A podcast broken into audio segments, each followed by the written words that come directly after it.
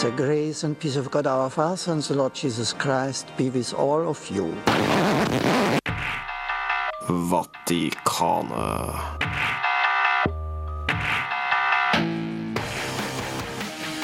Hvor mange nerder tas det for å skru sammen en radiokafé? Jo, fem.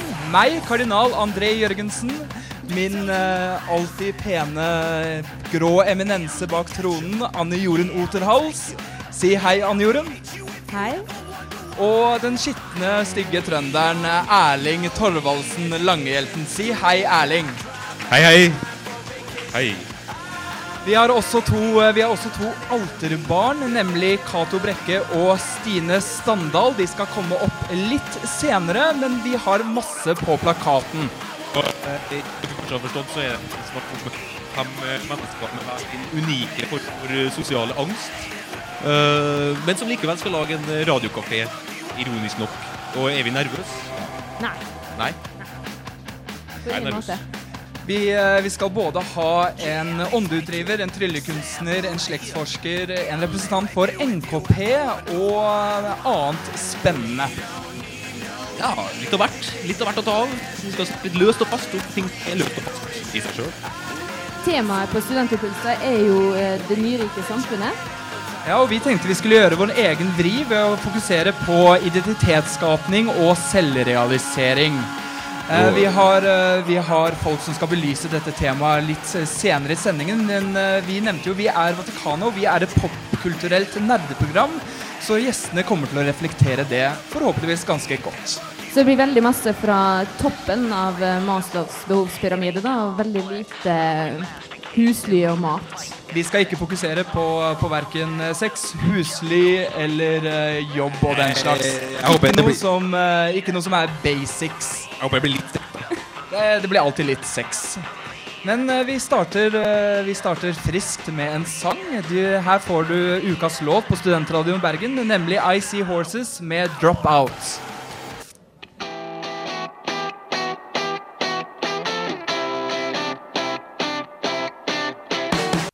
I dagens samfunn så er det stadig større press på å vise individualitet. Og det ser en jo ikke, ba ikke bare i alle, eh, alle de forskjellige subkulturene som finnes også her i Bergen.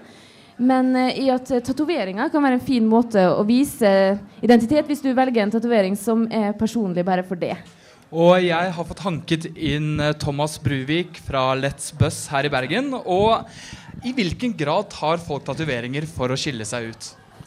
Eh, jeg, tror tatoveringer er eh, veldig individuelt. Eh, jeg tror få tar tatoveringene kun for å skille seg ut. Og det er lettere å gjøre det med, med hårfrisyrer, eh, klær, ting som ligger mer utenpå.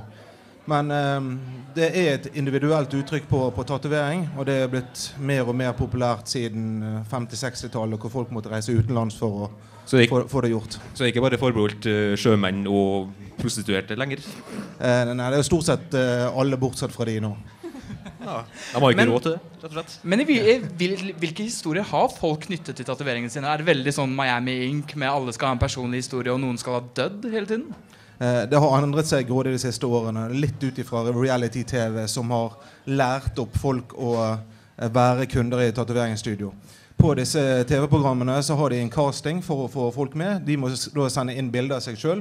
De må ha en god historie på hvorfor de vil tatovere seg, og hva de skal gjøre. Eller en fin ræv. Helst begge deler. Og eh, på de programmene så er folk eh, booket inn på spesielle tider. De kommer der, og eh, det er lagt opp for at det skal være TV-show. Sånn at det, blir en veldig spissfindig måte å, å, å vise en kundemasse på. Men folk lærer av det, og de kommer til oss og sier veldig mye av de samme tingene. Men har du noen eksempler på liksom sånne veldig personlige historier knyttet til tatoveringer? Sånn uten å bruke navn, selvfølgelig.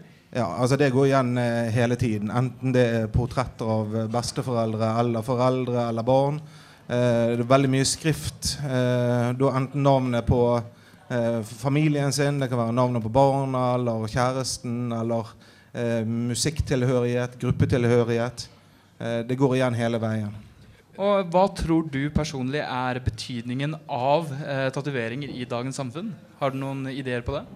Eh, ja, det, det tror jeg er et vanskelig spørsmål å, å svare på. Ikke fordi det, det er eh, ett svar, men fordi det er ma veldig mange svar. Og det vil også være for forskjellig fra person til person. Eh, hvilken identitet, identitet eh, uttrykker tramp stamp? Tramp stamp. Sånn eh, bakpå ryggen, du vet. Ja, sånn eh, ass antler, som de kaller det. Kanskje. Det, det, er- det, det er ikke godt å svare på. Men eh, det går jo moter i, i tatovering også. Det som er populært på eh, ett tiår, det kan være eh, ute neste ti år, og så plutselig kommer det igjen 20 år etterpå.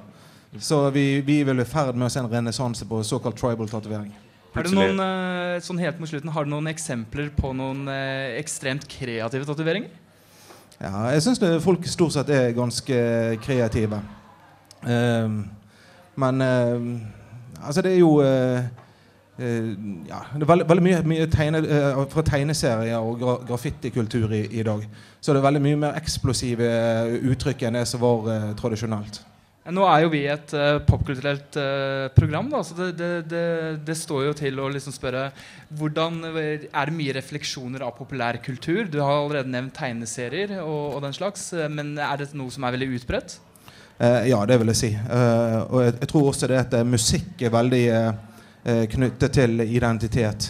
Og enten det er en bandlogo eller det er en eh, referanse til en eh, låttittel eller et eh, albumcover.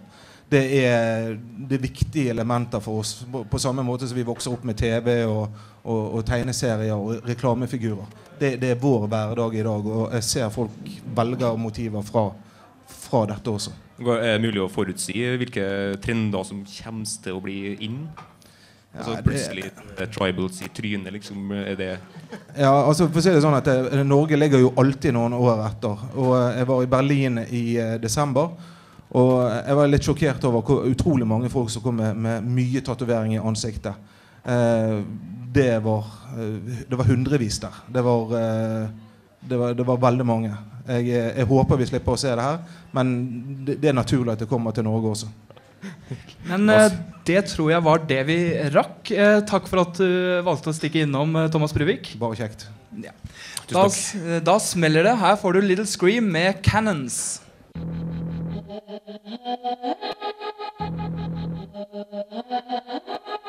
Studentradioen. Det nyrike samfunnet er ikke bare spøk og moro. Det er også problemer knyttet til eh, økt kapital. Og du, eh, Erling Thorvaldsen Langehjelten, har hanka inn en eh, spesiell person som skal belyse dette problemet. Ja, jeg sitter her sammen med en ekte rødhuding. En, eh, en leder for eh, Norges kommunistiske parti Hordaland. Og kamerat, hva heter du? Jeg heter Aleksander. Alexander Tavarij Alexander. Kommer rett fra Russland for å være med på programmet her i dag. Ja, det er Veldig bra. veldig bra eh, Grunnen til at jeg har eh, huka tak i deg, er jo fordi jeg har lyst til å stille deg et spørsmål angående det nyrike samfunnet. Altså, enkelte mener at vi i dag lever i et klasseløst samfunn. Altså at uh, vi har en veldig stor middelklasse. Uh, og kanskje et bevis på det, at vi ikke har sånne polariseringer i, sånn som de har i andre land. F.eks.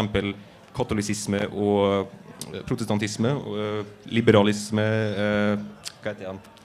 Ja, beklager. Men uansett, hvordan stiller vi deg til det? Er, det? er Norge klasseløst? Nei, Norge er ikke klasseløst. Altså det er klart, Norge er ikke sånn som England, der du kan møte en arbeider på gaten, og så sier han eh, I'm working class and I'm proud of it. Det er ikke det det er i Norge. Men um, Har vi noe, du, be har vi noe bevis, da? Ja, altså Det som er arbeiderklassen, det er ikke bare folk som er i fabrikkene. Det er alle som får uh, lønningen sin av en arbeidsgiver. Og uh, jeg vil jo håpe at de fleste i Norge får lønning. Vi har ikke 90% arbeidsløshet. Så det er mange arbeidere i Norge, men eh, Ja, men Problemet mitt er at eh, de tjener jo liksom godt uansett. De har, levestandarden er den samme uansett om du jobber som rørlegger eller om du jobber som lærer. eh, Altså, Arbeiderklassen, er den død? Ja, et godt spørsmål. Nei, den er ikke død. Ehm, men Norge har veldig høy levestandard. Men vi har òg en veldig høy og økende kredittkortgjeld. Altså, I gamle dager så snakket vi om ehm, le petit honteur, altså de som, de som led for å være en del av, eh, av overklassen. Da levde en finere livsstil som de egentlig ikke hadde råd til. Og det er jo et tegn på at eh, når du trekker mastercard og går og spiser sushi tre ganger i uken, så er ikke det alle som har råd til det i Norge på lang sikt. Men ja, for, eh, ungdommen i dag lever over evne. Eh, hva er dette her symptomer på? Ja, nei, altså Nå må vi jo trekke inn eh, litt kommunisme her, da. Det er, det er et symptom rett og slett på at um, det mangler egentlig en etterspørsel i økonomien. Folk har ikke råd til å kjøpe nytt kjøleskap, ny flatskjerm-TV annenhver uke. Og da trenger de denne kreditten for å opprettholde kjøpekraften. Og Vi har sett det i Irland, vi har sett det på Island. En eller annen gang så kommer det til å falle sammen. Og da strømmer folk til kommunistpartiet, og da tar vi imot dem med åpne armer. Men Betyr dette at uh, vi, samfunnet i dag har urealistiske standarder når det kommer til, uh, til levemåte? Ja, eller sant? Altså, Du må tenke her på hva er det egentlig som er nødvendig. sant? Det har uh, folk som drar på Birken og kjøper skiutstyr for 30 000 kroner, så de bruker én gang. Jeg har jo selv kjøpt uh, slalåmski som står og samler støv hjemme i skapet. Um, jeg tror vi kan leve i et godt samfunn selv om vi ikke har de tingene. Det handler om å fordele godene. Hvis det er noe alternativ, da, så er det mulig å organisere det på en annen måte for å unngå de Island Unngå at det skjer i Norge? Ja, um, Da trenger du en, um, en, demokratisk styring av økonomien.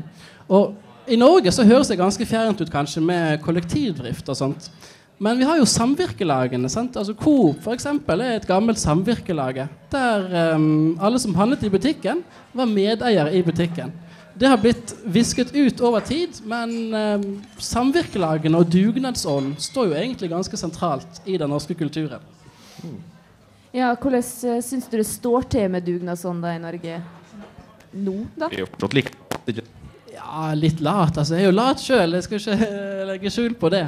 Men um, nå for tid så er det veldig fokus på at du har um, kjøp og salg av tjenester. Sant? Du går og henter avisen for naboen, og du tar ikke ti kroner for det. Du gjør det gratis.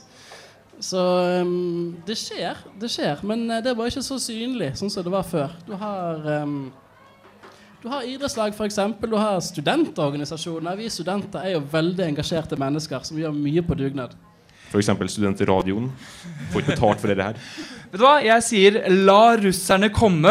Eh, jeg er Patrick Swayze, og dere andre kan slåss om hvem som er Charlie Sheen. Og tok dere referansen? Good to be you. Her får du Wild Beasts med Albatross.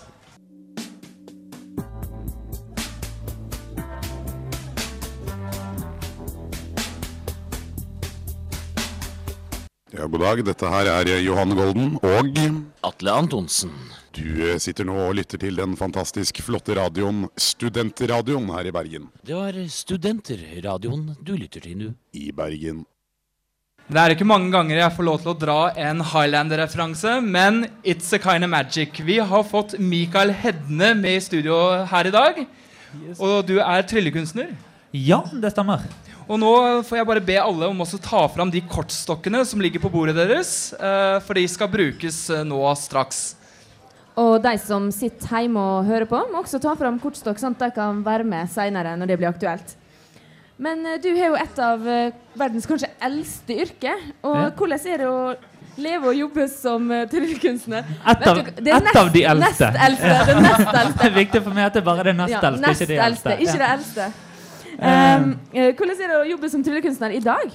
I, jo, eh, det er jo en eh, utfordring på mange måter. Altså Man er selvstendig næringsdrivende. Eh, det som ble snakket om i sted her, med at man mottar lønn og har fast arbeid, det er jo en veldig ukjent virkelighet for meg. Eh, kan man si. Jeg har, eh, har, aldri mottatt lønn i hele mitt liv, men jeg har eh, vært så heldig at jeg får lov til å jobbe og leve av det jeg elsker å gjøre, som er hobbyen min. Som er Erling vil vite om du tjener godt. vi har offentlige skattelister i Norge, så når du får hjem og, gå søk, får hjem og søke. Skal gjøre det. Det vedder jeg på han kommer til å gjøre også. Men eh, hvordan føler du statusen så, til, til, en som kanskje jobber med hobbyen sin, er i Norge i dag? Ja, um, det er veldig ambivalent uh, på et vis. Fordi at alle vil jo i dag være popstjerne. ikke sant? Man, uh, man skal selvrealiseres, og man skal man skal bli noe stort, og alle vil ha sine 15 minutter med berømmelse, enten det er på Idol eller Norske Talenter eller X-Faktor eller noe annet. da. Samtidig så er presset om å få et stort hus og eh, stor og fin bil og alt dette blir òg stadig sterkere. Og det er klart at de to tingene lar seg veldig sjelden kombinere. Og, um, Er, er det her eh, Men dine eh, hva, hva tror du at uh, din funksjon som tryllekunstner er i det nyrike samfunnet, nå som folk liksom ikke lenger uh, fokuserer på de grunnleggende behovene som, som mat og husly og, og den slags? Ja, ehm, det er klart altså Allerede i antikken så snakket Julius Cæsar om at man skulle gi folket brød og sirkus. Og ehm, jeg tenker at som tryllekunstner så er jeg den som fortsatt kan gi sirkus til folket. Så du, du er her for å trollbinde massene, sånn at eh, politikerne kan gjøre som de vil? ja Kanskje ikke helt, men eh, det, I alle fall eh, så Kanskje det at folk ønsker å bli underholdt. Folk ønsker lett underholdning. ehm, I Er- stadig større grad. er her er dine 15 minutter. Jeg håper det blir flere. Eh, Men ja, du skal jo dra noen triks her, så vi gir deg egentlig scenen. Vi. Du, kan, Ja. du kan gjøre som du vil. Ja, ehm, det som eh, Vi har jo lagt ut noen bunker med kort der. Kan alt av de frem? Så har det vært veldig gøy. Ja. Eh, Kortene er tatt frem. Kortene er tatt frem. Og eh, alle som er hjemme, må jo da si må ta frem en kortstokk hvis de har det i nærheten. Sånn at uh, man kan sitte faktisk og følge med på dette hjemme. Uh, dere her har fått utdelt ni kort som er nummerert fra én til ni. Uh, det jeg vil at alle sammen her skal gjøre, er å ta de bunkene og stokke de litt godt. Og bland de skikkelig, skikkelig, skikkelig godt. Eh, så André, det jeg lurte på om du kunne gjøre Jeg òg sitter jo her med ni kort nå. Eh, og jeg vil at alle dere som sitter her, og alle som sitter hjemme, skal ta disse ni kortene og spre de ut i en vifte på hånden, sånn som det. Så de kan se alle kortene sine. Uh, og André, kan du si et tall til meg mellom uh, La det være mellom én og én og ni. Skal vi se Syv? Du vil ha syv, faktisk. Jeg vil ha syv. Yes. Og da lurer jeg på om alle sammen her kan ta og telle. Og vi begynner med det fremste kortet, så teller vi oss bakover. Én, to, tre, fire, fem, seks, syv. Det blir da eventuelt det kortet som òg ligger som nummer én, to, tre fra toppen. ikke sant? Ja. Ja. Eh, så må alle da rett og slett bare huske Vi må huske det kortet. Ja. Dere som sitter her ute, må huske det tallet dere har fått nå. Og som dere har landet på. Og alle som sitter hjemme, de må da huske enten det er et kort eller et tall. Hvilket kort det er de har. Hvis alle nå tar disse kortene og legger de i hånden sin med baksiden opp, så skal vi blande de på en litt uh, finurlig måte. Vi skal begynne med uh, faktisk å bruke uh, navnet til hvem enn som sitter her. Sånn at dersom du heter Erik, hvis du holder fram hånden din, André, Ja. så teller man ned ett kort for hver bokstav, som man sier E og legger ned en bokstav. R og legger ned en bokstav. I og legger ned en bokstav. Og K og legger ned et kort. Så avhengig av hva man heter, så legger man ned ett kort per bokstav. Og det betyr jo det at vi vil få forskjellig antall kort lagt ned for hver av oss. Hva hvis man, hvis man har sånn 18 dobbeltnavn og med hyphenet og full pakke, da? Da må man egentlig bare stoppe når man er tom. Og dersom man har noen kort igjen, så bare legger man de på toppen, sånn som dette. Ok, Og så tar vi opp alle kortene, og så skal vi gjøre dette en gang til. etter at vi har lagt de på toppen. Fordi at nå har vi da brukt navnet deres. Nå skal vi bruke navnet mitt her. sånn at da teller vi ned og sier M, I og legger ned et kort. K og legger ned et kort. A og legger ned et kort. E og legger ned et kort. Og L og legger ned et kort. Mikael. Yes. Og vi tar de resterende kortene og legger på toppen. Ok, Så det vi skal gjøre nå, er at vi rett og slett bare skal ta ett kort og legge ned. Og I feel the magic. Og så skal vi ta ett kort til å legge ned. Men så kan folk nå få lov til å stoppe, eller de kan få fortsette der de sjøl måtte ønske. Så vi, man legger ned det antall kort man sjøl måtte ønske. Og når man ikke vil legge ned flere kort, så stopper man og legger resten av kortene oppå. Det jeg vil at alle sammen skal gjøre nå, er å tale, telle ned. Hvilket tall var det du sa? Syv. Syv? Syv. Da må vi ta og telle av syv kort. Én, to, tre, fire, Jedi fem, mind tricks. seks, syv. Sannsynligvis så skal dere bare ett, nei, to kort igjen nå. Vi tar det neste òg, bare sånn for å være sikker. Og vi sitter igjen med ett kort. Ta det kortet og snu det rundt. Ok, that's freaky. Det var veldig Ja. imponerende. Jeg syns det var veldig imponerende. Wow. OK. Jeg er offisielt imponert. Takk for det. Men uh, du er ikke ferdig med det her? Du tenkte å imponere oss mer? er ikke du det? Ja, men det blir vel egentlig her utover kvelden, tror jeg i så fall. Ja. Ok. Ja. Ok, eh, Supert. Da tror jeg vi bare egentlig fortsetter med, med en sang. Eh, skal vi se hva vi har her. En liten låt. En liten låt. Krølle med sendeplan. Ja, ja, ja. Sånne ting skjer. Eh, nå skal du få We Were Lightning med We Embrace.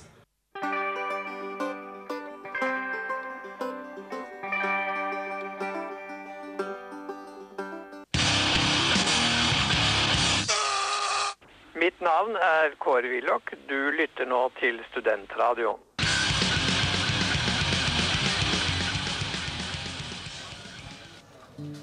Det er kanskje mange her som er usikre på hvem de er, men eh, du Kat, har jo funnet ut en måte man kan finne ut det på. Å ja, det har jeg. Og vi ser jo ganske ofte på TV, sånn Tore på sporet og Hvem tror du at du er og sånn, at folk eh, begynner å sjekke røttene sine. Og jeg har med meg eh, Yngve Nedrebø her, som er slektsgransker ved eh, Statsarkivet i Bergen. Og ja, hva, hva ser vi er en tendens? Hvilke folk eh, velger nå å, å utforske slekten sin? Ja, Det vi ser, det er jo det at det er blitt mange flere enn før. Altså Tidligere så hadde vi en eh, stereotyp av slektsgranskeren som en eh, pensjonist, eh, en mann, som da var blitt interessert i dette på sine eldre dager. Og Da kom han på lesesalen i Statsarkivet og satt der i noen år og fant ting. Så fikk vi tilbud på nett for eh, 13 år siden. Og så har vi da sett en uh, jevn økning. Så har det da vært en internasjonal trend som har ført til at vi har fått dette som en del av underholdningsindustrien, som du da i og for seg nevner. Uh, og plutselig så er da interessen ti ganger så stor som det han var for uh, noen år siden. Så du får liksom helt normale folk som plutselig begynner å utforske sin identitet? Ja, pensjonister er også normale folk, men uh, det, det er greit. det er også andre aldersgrupper, og, og det er mange flere kvinner. Eh, Ja, men hva er, tror du er motivasjonen til at folk driver og er så interessert i sin fortid, altså slekta si? Hva hva er, det som er spesielt med det, egentlig? Nei, altså Jeg har vært i USA og holdt foredrag for amerikanere. Og eh, da har jeg sagt at forskjellen mellom Norge og USA det er det at de har egentlig manglet en identitet. Altså Vi har hatt et veldig homogent samfunn hvor folk eh, har vært eh, i sitt eget lokalmiljø. Og de har altså ikke hatt den veldige trangen til å lete etter sin egen identitet. I USA så har du også et samfunn som er eh, hele tiden på, på vandring, hele tiden i sosial bevegelse. Og da er, har behovet for å lete etter opphavet vært mye sterkere. Men jeg tror det er et symptom på at vi er nyrike, på en måte. At vi har mer tid, mer fritid til å drive og bry oss om fortida fremfor fremtida. Ja, det har vel litt med det å gjøre. Og så har det med, litt med det å gjøre at vi har fått mer kaotiske familieforhold. Vi har fått uh, mer uh, flytting. Vi har flere som er adoptert, som er ute og leter etter sitt opphav osv. Slik at det, opphavet vårt er blitt mer tilslørt. Og derfor er det behov for å bruke mer tid og krefter på å finne det. Men, men altså, hvilken, altså, hva har det med identitet å gjøre som gjør, som gjør det så forskjellig nå fra før? Altså, er, er identiteten vår blitt annerledes enn eh, for 100 år siden? Ja, helt åpenbart. Altså, er, det, er det liksom sånn at vi med mer penger så mister vi alt vi har av kulturell identitet? Nei, men altså vi, vi kommer fra et jordbrukssamfunn hvor uh, vi hadde en fast tilknytning til ett bestemt sted. Så er vi blitt rykket opp med, med røttene. Vi er blitt eh, flyttet inn til byer. Vi er blitt eh, del av en, en ny kultur. Og da er det vi etter hvert, eh, eller i hvert fall ganske mange av oss, vi begynner å lete etter opphavet. Altså, det som har vært gjennomgangstonen i NRK, har jo nettopp vært at eh, vi er ikke bare hva vi sjøl har gjort oss til, vi er et produkt av eh, tidligere ting. Altså Slekten har satt en ramme for hva vi kan utvikle oss til å bli. Så man er ikke bare det man spiser? Nei, det er man definitivt ikke. Vi har noe som heter gener, og det har faktisk relativt stor betydning for hvordan vi både er, og hvordan vi utvikler oss. Ja. Er det noe mer du har lyst til å spørre om? Ja, altså, som, som medlem i Vatikanet, vi er jo veldig glad i TV og film og sånn. Um, men hvordan skiller virkelig slektsgransking seg fra, fra TV? Nei, altså på, på, TV så skal jo dette klippes ned til å bli underholdning. Og det irriterer meg, for jeg var med i det siste programmet. Og vi hadde da en, en innspilling som strakte seg over to-tre timer. Og det var klippet ned til ett minutt, og hvor alle gode poengene var vekke. Og hvor det hele da satt igjen som, som bare noe tøv, egentlig. Sånn at eh, Slektsgransking det er en form for vitenskap hvor man er nødt til å gå særdeles seriøst til verks. Man må grave og lete etter fakta, og her er det bare de reelle fakta som gjelder. Så eh, det er relativt mye arbeid. Og som jeg da antydet i sted, altså den tradisjonelle slektsgransker det er en mann som bruker flere år på dette prosjektet her. Han kommer aldri i mål. Ja, det, men vet du hva? Jeg tror uh, vi må uh, Over til en som uh, definitivt veit hvem, hvem, hun er. Ida Maria. Ja. In the end. Tusen takk. 22 summers.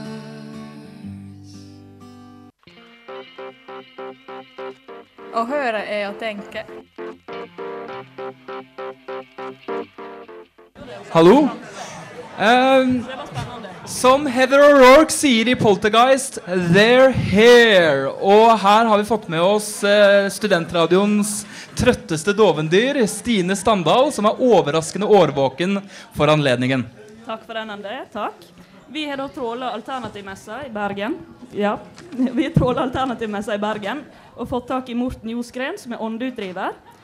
Og Du eh, er i Bergen i anledning Alternativmessa, og du deltok for første gang i dag. Hvordan opplevde du den messa? Eh, jeg må først si, først si det at uh, når, ja, når jeg skal ta en utdrivelse av demoner eller onde ånder, så er jeg faktisk mer nervøs nå enn da. Eh, men eh, nå på messa så har det vært eh, Ja, det har vært mye folk. Godt besøkt. Og eh, det ser ut som folk eh, er på søken etter å bli opplyst. Og innenfor vitenskapen så er det jo slik at folk vil jo ha bevis i dag. Og det her med helbredelse, åndeutdrivelse, det har jo vært eh, bannlyst i mange år, faktisk. Og før i tida så ble jo sånne som oss egentlig eh, halshøgde og brent på bål. sant? Um, ja. Men sånn i nyere tid, du har vært på eh, mess, lignende messer tidligere. Så har du merka noe økende interesse blant folk for eh, de litt mer eh, alternative sfærene? Um, ja, det er mer og mer uh, som uh, mer tiltak på det. Altså det, det, er flere folk som oppsøker sannheten i livet, og som er på søken etter mer. Og uh, på TV-en så er det jo uh, Åndenes makt som går, som da opplyser folk. Ja, nei, uansett, da. Eh, så tenker jeg jo nå vi, Som Cato nevnte i stad, vi er et popkulturelt program, så vi er jo interessert i liksom TV og film og den slags. Er det sånn på Eksorsismen med liksom eh, hoder som går 360 rundt, og prosjektilspying og liksom helligvann og verre ting? Um, nei, det er jo ikke det, selvfølgelig. Det jo Det som foregår på film, det er jo for underholdningens sin skyld. da. Altså Hollywood er jo ikke noe som har med virkeligheten å gjøre. Men noen, noen ganger så kan det faktisk eh, ende med at personen begynner å fråde, eller at eh, den rister. da. Eh, men det spørs hvordan ånder denne personen er besatt med. da. Hender det at man f.eks. snakker på fremmede språk og, og, den slags? Ja, det kalles for å tale i tunge. Og eh, det kan skje under, i menigheter hvor det da er en sterk eh, vekkelse hvor da Den hellige ånd kommer da inn i menigheten og rører ved folk. Ok, Kan jeg, kan jeg få lov til å spørre om ting nå? Uh, Stine, reis deg. Ok, uh, Det jeg tenkte nå, er uh, Vi vil gjerne ha en form for demonstrasjon. nå hva vil du gjøre når du La oss si Stine nå er besatt av uh, onde ånder, og hodet hennes begynner å spinne, og hun snakker på latinsk og sier stygge ting om moren min. Uh, hva gjør du for å liksom uh, helt fysisk for å liksom få de onde åndene ut av Stine her? Det vil si at man kan ikke gjøre noe fysisk. Fordi at jeg er en, en, en, kristen mann.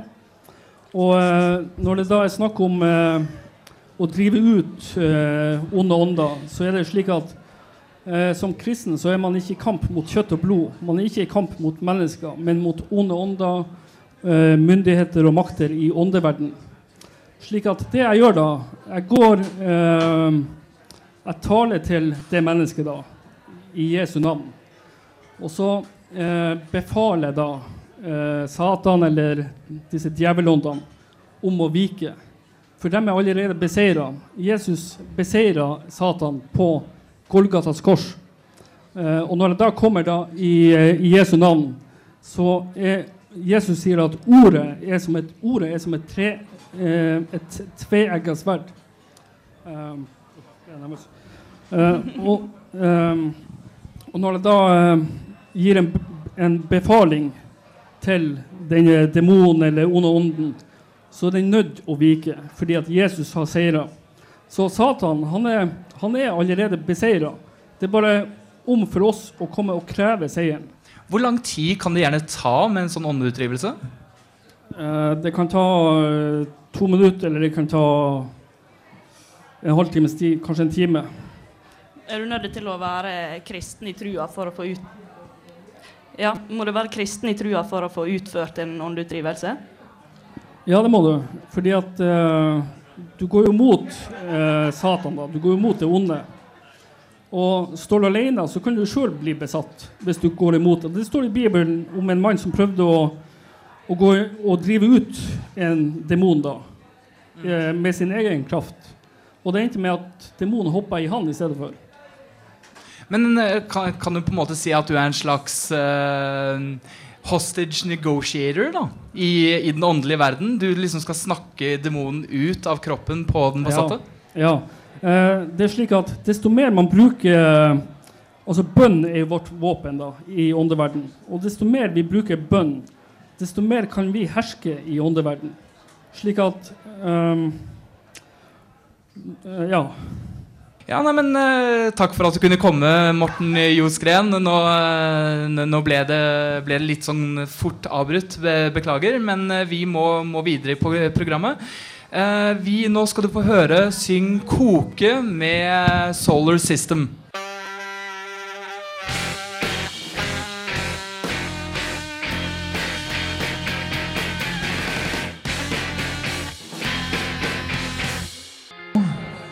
Der hørte du Syng koke med Solar System, som vi har fått besøk av her i, uh, her i Losjen bar.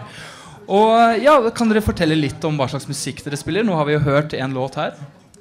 Ja, uh, Synkoke vi liker jo som uh, alle andre å båsette oss sjøl, og det her er rock. Det er rock, ja. Ok. Den store, fine, udefinerte båsen rock. Mm. Er sex and drugs? Stemmer. Er litt sex and drugs? Mm? Er sex and drugs? Ja, altså Det, det følger jo med, da. Ja. Men Erik, Erik Texa. Men hva har, det, hva har det nyrike samfunnet hatt å si for dere som artister? Det har hatt alt å si, for vi er tross alt uh, altså den uh, lille delen av den lille promillen i verden som har sjanse til å spille musikk og bli støtta av staten. Uh, ja, alt.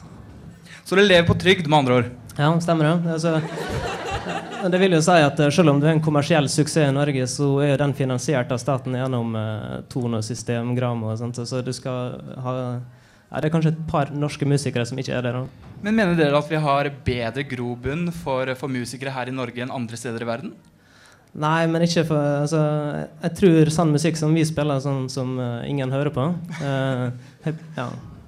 Det er, no, det er ganske naturlig. Det er veldig mange mennesker her nå, det skal sies. da. De hører jo på. Ja. De blir tvunget til det. Ja, de må høre på. Men syns det var morsomt å høre likevel. Ja, ja altså, det, det, er absolutt veldig bra musikk. da. Ja, ja, jeg syns det.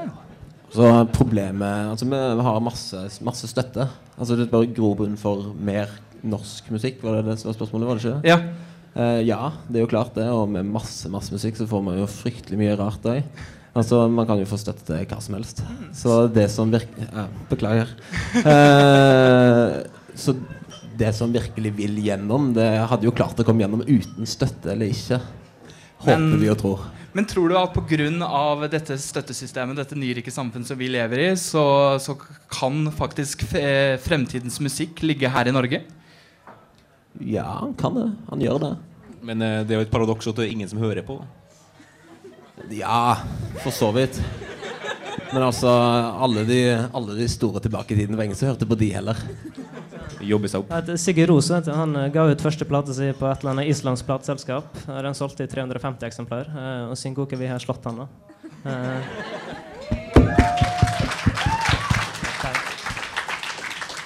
Vi skal høre mer fra Synkoko om en liten stund. Ja da, det er Torstein Hyl, du hører på Studentradioen. Yo, jeg har rocka hver en eneste klubben, hver eneste stadion. Når jeg er i Bergen, så hører jeg kun på Studentradioen. Yeah. Det var eh, dessverre alt vi rakk her fra Losjen bar i eh, dag. Eh, Vi er eh, tilbake på neste lørdag, og da kan du få høre mer nerding. Faktisk så er vi jo tilbake allerede nå på lørdag med reprise av denne sendinga. Så hvis du ikke fikk det med deg noe som helst, og egentlig bare vandra inn sånn på måfå de siste fem minuttene, ja, slå på i morgen mellom 12 og 1 på Studentradioen i Bergen. Vi heter Vatikanet, og mitt navn er André Jørgensen.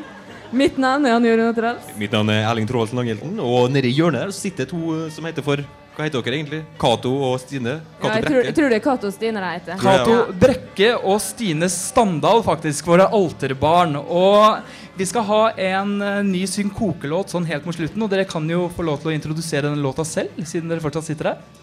Ja, eh, det er låten 'The Blues Song' fra albumet The Ideology, som handler om eh, altså den blå sannheten som vi må forholde oss til. Eh, Resten av plata er andre typer sannheter, så du kan oppsøke. Hva er den blå sannheten for noe? Eh, mange vil jo definere den som eh, Vesten, men eh, jeg skal ikke si det. Er det litt sånn som Puff the Magic Dragon, med flere, flere betydninger og flere lag og sånn? Ja, absolutt. Men da skal vi få høre den med en gang.